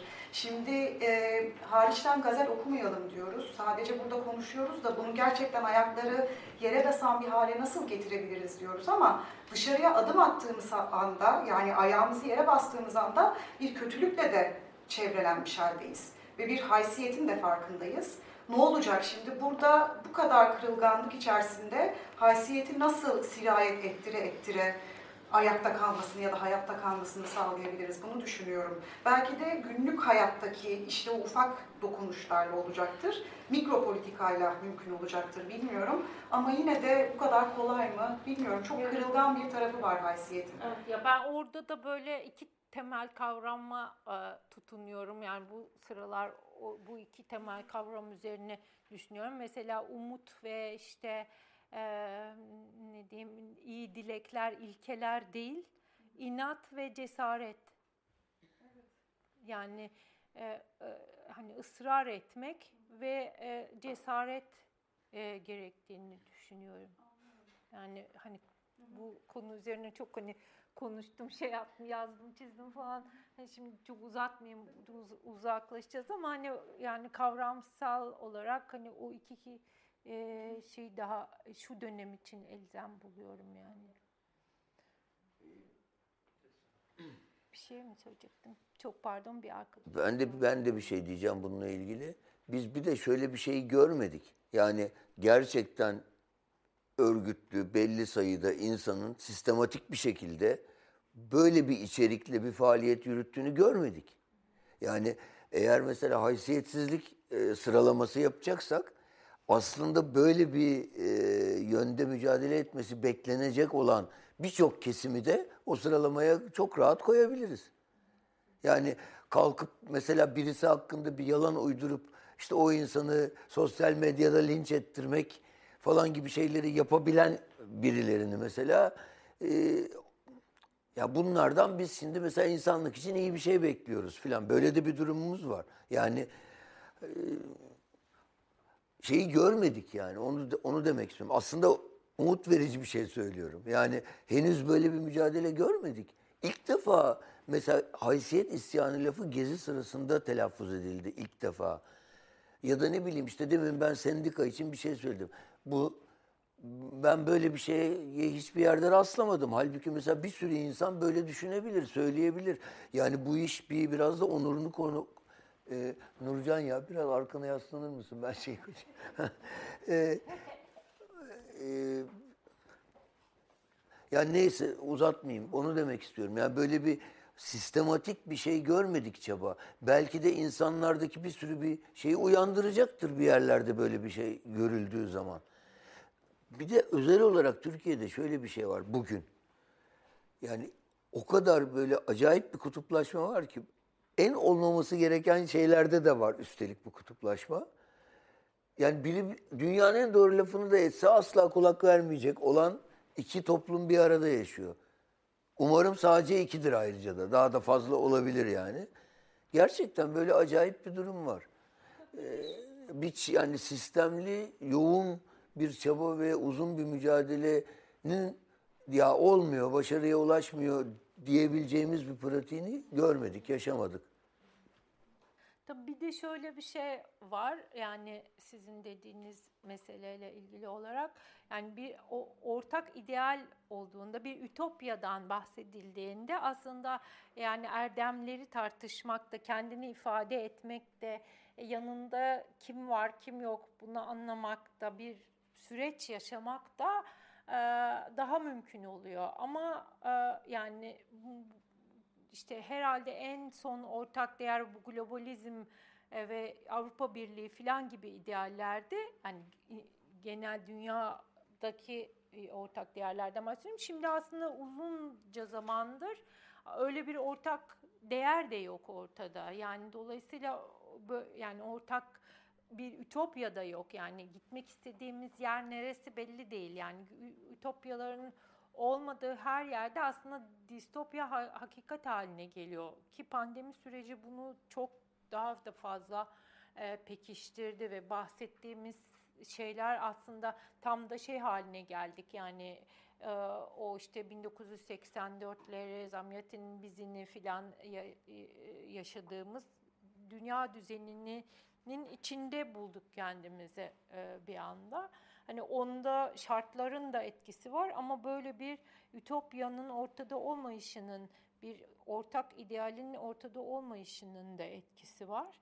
Ee, yani o yüzden de e, işte mesela inat ya da cesaret falan derken nihayetinde yine de ben e, bireysel bir şeylerden söz ediyorum ama onlar olmadan bir ütopya fikrinin doğabilme ihtimali de yok ve ancak bireysel düzeyde bazı dayanaklar bulduğumuzda bu hayata katlanmak mümkün olabiliyor. Çünkü belki de zaten o kadar bireyselleştik ki, o kadar e, mikrokozmoslar o kadar küçüldü ki e, hiçbir zaman öyle bir ortak fikir ya da bir e, ütopya doğmayacak artık. Yani e, onu bilemiyoruz gerçekten de. Ama e, herhalde dünya düzeninin bir o böyle o e, işte Nilgün Toker'le de bütün bunları konuşuyorduk da o da böyle çok biliyorsunuz tanıyorsunuzdur belki çok değerli bir e, siyasal felsefeci ve bu utanma konusunda birikimin utanç sayısında da onun da çok iyi bir yazısı var. İlgilenirseniz e, e, tavsiye ederim onu da. E, yani o da böyle şey hani orta çağın son dönemlerine benzediğini e, e, bu düşünme e, dağınıklığı ve e, kavramsal boşlukların e, söylüyordu yani o bu gerçekten ciddi bir sorun. Evet arkada bir arkadaşım. Evet, sonra da Mustafa Ya utanma ile ilgili aslında ben e, zaten Türkiye'de yani mevcut e, son 20 yıldan da geriye gidecek bir e, hastalıklı durum olduğunu düşünüyorum. Yani utanmanın e, bu zamana kadar e, gerek hani yönetenler açısından gerekse onların yönetenin ve mevcut e, sistemin varlığından nemalanan ve kendi varlığının devamlılığına e, garantileyen e, kitleler tarafından utandırarak terbiye etme, bireyi terbiye etme amacı olarak kullanıldı ve belki davranış modellerinin öğretilmesinde bunun çok e, kullanıldığını düşünüyorum. İşte bu aileden başlıyor. Anne babanıza karşı geldiğiniz için utanmanız gerekiyor ama işte niye bulaşıkları hep annenizin yıkayıp babanızın koltukta gazete okuduğuna dair e, babanız adına veya kendiniz adına utanmanız gerektiği öğretilmiyor. Veya okulda öğretmeninize karşı geldiğiniz için şey yapılıyor ama e, ne bileyim sırada e, bir arkadaşınıza zorbalık yaptığınız için utanmanız gerektiğini kimse size öğretmiyor veya e, otobüs çok basit bir örnek. E, kuyrukta birinin hakkını yediğinde e, utanmıyorsunuz. E, etrafınızda o kuyruktaki insanlar da belki bunun utanılacak bir şey olduğunu düşünmüyor. Ama o kuyrukta öpüşen genç bir çiftin e, bu eylemi gerçekleştirdikleri için utanması gerekiyor. Son 20 yılda artık hani e, iktidar tarafından e, bu e, utanmama duygusu öyle bir boyuta getirildi ki yani insanlar başlarını çeviremeyecek, görmezden gelemeyecek boyuta geldiği için biz bunu daha çok sorgulamaya ve şey yapmaya başladık. Ama geriye gittiğimizde belki bireysel hayatlarımızda da çok e, baştan sorgulamamız gereken şeyler vardı. E, dolayısıyla çok elverişli bir siyasal araç olduğunu da düşünüyorum. Yani e, yani birçok konuda e, şu an toplumsal hayatta e, sınırları çizerken, engeller koyarken insanları utandırarak o engeller içinde tutmaya çalışıyorlar. Bundan en çok mesela maalesef yine tabii kadınlar oluyor çocuklar. E, işte en son örnekte bir cami imamını galiba e, işinden etmişler. Sırf hayvanları seviyor diye. E, gibi. Yani bu e, mevcut e, yani tepede de değil aslında sorun. Bu tabanda da bir sorun var. E, bir de ben mesela şeye e, doğru bulmuyorum. Ben niye başkası adına utanayım? Çünkü Türkiye'de zaten birey olamama gibi bir sorun var. Birçok e, sorunun kökeninde bu birey olamama, birey olarak sorumluluğu taşıyamama, kendi yaptıklarının sorumluluğunu taşıyamamadan dolayı birçok şeyi yaşıyoruz. Dolayısıyla ben A kişisinin yaptığı bir şeyden dolayı niye utanayım? Hayır ben utanmıyorum. Çünkü ben kendi yaptıklarımdan utanıyorum. Ve bunlarla gerekirse yüzleşiyorum, hesap vermem gereken durumda veriyorum, bedelini ödüyorum ağır veya hafif. Ama diğer bir kişinin adına ben utanamam. Onun ama yüksek ve kararlı bir sesle evet sen utanılacak bir şey yaptın, sen hırsızlık yaptın, utanmalısın veya sen başkasının hakkını gasp ediyorsun. Sen benim özgürlüğümü gasp ediyorsun. Sen insana, doğaya zarar veriyorsun, sen bir canlıyı incitiyorsun, utanma yani gibi bunu zorlamalıyız bireyleri. Ee, yoksa başkası. Ama siz onu kendiniz tayin edebiliyor musunuz? Yani mesela biri bir şey yapar ve utanırsınız o anda. O bir kararla olmaz ki. Nasıl hakim oluyorsunuz buna? Ama ben bir şey diyeyim Bu çok aslında çok güzel bir cevap oldu benim o değinmeme. Şey gibi, e, çünkü benim de kafam kurcalıyordu. Yani utanmanın aslında bir Ayrıca işte Japon kültürü aklıma geldi. Yani orada her şey utanma üzerine kurdu ya. Bizde de aslında çok var. Şimdi utanma anı şöyle bir an oluyor. Yani yeni yaşadığım için işte ultrason çekiliyor falan. Adam yani erkek doktor ve resmen taciz ediyor. Şimdi ben öyle ama hani ara bir şeydir ya böyle basiret siz kaldığınız anı yani bir şeydir ya orada ben adam adına utandığım için gerekli tepki veremiyorum. Ya aslında oradaki utanç işe yarayan bir erdem değil. O noktada beni tamamen hani öznelikten uzaklaştıran, daha da bastıran bir şey oluyor. Ya da işte diğer şey Veya diğer kişinin kolayca o sorumluluktan sıyrılmasını belki. Aynen. Bir şöyle bir şey var. Şu yanlış anlaşılmasın. Utanmanın kendisi başlı başına bir erdem demek istemedim ben. Utanma aslında e, çok elverişli bir araç ancak erdem olarak ele alındığında işe yarayabilir dedim. Yani ancak erdem olarak e, varsa ortamda ve er, insanlar bunu yaşıyorsa o zaman e, siyasal bir kavram olarak kurucu bir rol oynayabilir. Yoksa özellikle kadınlar olarak birikimin bir o utanma sayısında tam da benim yazım böyle bir konuyla ilgiliydi. Yani Kafka'nın utanma e, yani davadaki o utanma e, e, şeyi silsilesi diyeyim e, le işte e, yani oradan nasıl çıkılabilir, neresinden tutulabilir? Evet.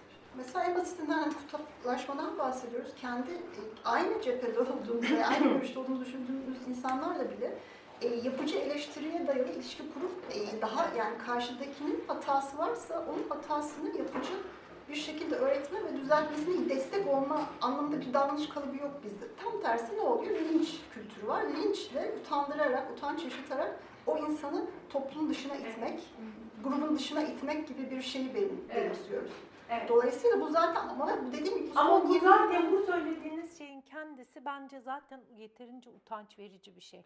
Dolayısıyla tam da utanç böyle olduğunda yani o büyük resimden pay aldığında yani hani ben kim kimsenin adına utanmak istemiyorum dediniz ya aslında tam öyle değil yani.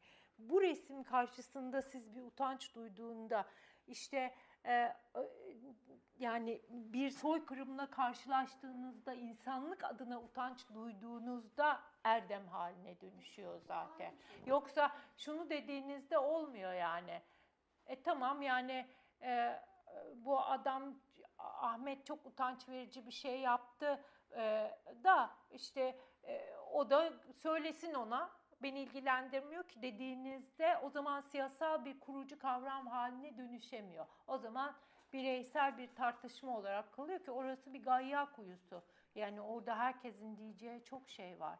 Ancak o büyük insanlık idealinden pay aldığında bir e, erdem haline dönüşebiliyor zaten. Mesela bir örnek üzerinden sorayım. Bir bir kafeye, lokantaya bir yere gittiniz. Beraber gittiniz ekipten biri garsona çok kötü davrandı. O anda bir şey hissetmez misiniz? O nedir o hissettiğiniz? Yerin dibine gireriz hocam. Yani İşte ben öyle öyle değil yerin midir dibine yani? O anda düşünmezsiniz ki utanayım mı utanmayayım mı diye falan. O bir his gelir yani eyvah falan yaparsın. Yanlış ifade ettim sanırım. O anlamda demedim. Aslında hanımefendi benim sanırım anladı ne demek istediğimi. Yani bir, yani e, orada kendi adına kendi utancı o başka kendi utancımız tamam bize ait zaten ama başkasının yaptığının eyleminin utancıyla da boğulurken o utancın içinde boğulurken dönüşme değiştirme eylemindeki gücümüzü kaybediyoruz ve onu demek istedim aslında. Tabii ki ben de o bu durumda çok utanıyorum. Olmayalım ama Veya- hani o hissi kaybedersek zaten geçmiş olsun yani. Hayır o anlamda demedim. Ama ben bazı insanların bu hissi de duymadığını düşünüyorum mesela. Ya o- Ya da duysa bile hani onun için önemli olmuyor. Ben hatırlıyorum mesela hep aklıma size mesela bilmiyorum belki bendeki bir sapıklıktır. Mesela geçmişten hatırladığım diyelim ama alakasız böyle hani illa önemli şeyleri kastetmiyorum. Alakasız ayrıntı ya bunu niye hatırlıyorum şimdi denilecek. Mesela 50 şey hatırlıyorsam bunun 40'ı benim utandığım olaylardır. Bunun bana özgü olmadığını zannediyorum. Mesela birçoğumuz için böyledir. Biz kadınlar için durum biraz farklı olduğu için hocam şöyle ki yani biz çoğu zaman e, haksızlığa uğramış veya şeyken e, hakkımız vermişken veya zarar görmüşken bile hanımefendinin yaşadığı örnekte o karşıdakinin suçun utancını taşımak zorunda bırakıldığımız için dolayısıyla aslında benim kastetmek istediğim oydu biraz. Yani yoksa tabii ki Ama bu o tabii daha özel bir durum ve bence bilmiyorum daha özel ele alınması gereken bir şey. Özellikle taciz gibi bir şey. Çok genel bir şey. Karşındaki Yani suçlu kadın ve olarak sürekli yaşıyorsunuz Evet. yani. Hani amcanız, dayınız bir şey yapıyor ve bütün hayatınız onun adına geçebiliyor yani. Hani travmatik şeyler de olabiliyor. Yani o yüzden çok özel ve spesifik değil. Biraz yani gerçekten de utanç e, yani dediğini genellememek lazım gibi utanç. Şimdi bir türü de şey yapıp pasifize edebiliyor yani. Evet, Ve baskı pasifize- aracı evet, olabiliyor pasifize- gibi bir şey de öyle bir çıkış. Mustafa Aslında çok şey konuşuldu da şey e, ya biraz e, hani masum göstermek ya da şey yapmak anlamında değil. Hani e, bu, bu nasıl geri döner haysiyet meselesi düşünürken şimdi e, jenerasyonlar boyunca yaşadığı yerden bir içinde orada umudunu yitirmiş o e, bir insanlar işte başka bir yerlere geliyorlar. Orada bir şekilde sözüm ona işte tırnak içinde her şeye sahip olan ve veya burası benim diyen insanların arasına dalıyorlar. Çok fazla bir çareleri yok. çalıyor ya da işte dileniyor, bir şey yapıyor. Ve sonra hasbelkader o toplum içerisinde yükseliyor.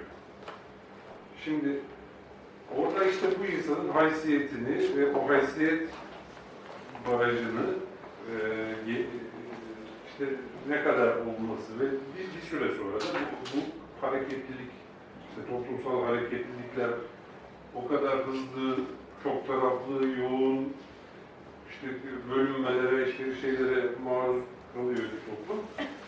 E, bir bakıyorsunuz işte iktidar orada.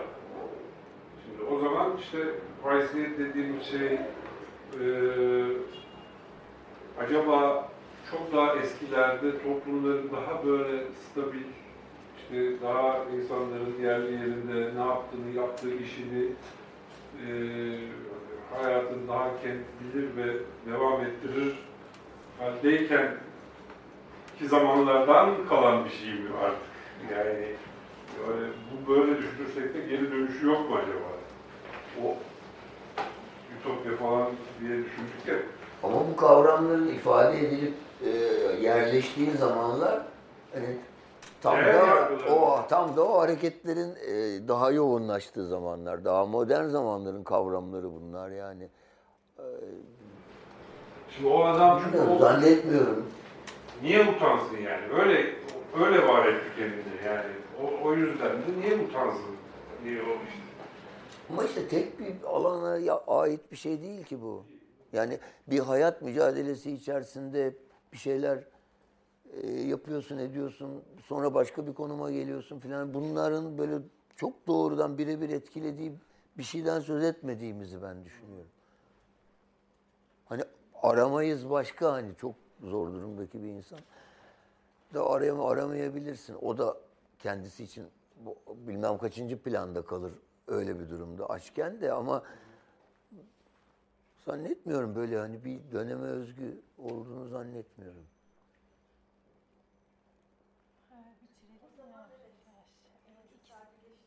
Evet. Var yoksa başka bir başka söz yoksa yavaş yavaş bitirelim diyoruz.